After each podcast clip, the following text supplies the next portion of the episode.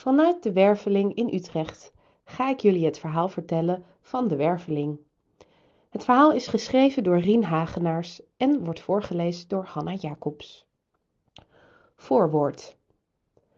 We leven in een tijdperk waar een grote waarde wordt toegekend aan de kracht van het verstand. Een schoonheid die de mens naar ongekende mogelijkheden heeft gevoerd.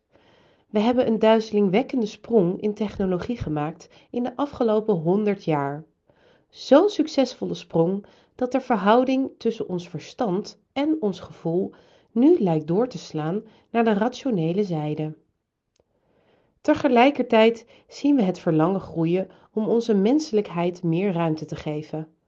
Er lijkt een groot verlangen om de magie van het leven weer te ervaren. Een inhaalslag van de gevoelskant lijkt gaande, zodat de harmonie zich op een verfijnder niveau kan hervinden.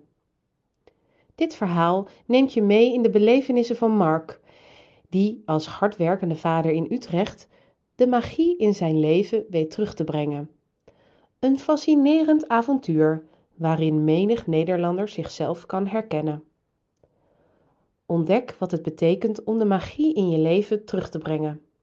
Een fascinerend proces waarbij de mysterieuze werveling een belangrijke rol lijkt te spelen. Mogen dit verhaal de deur openen naar het ervaren van jouw eigen magie.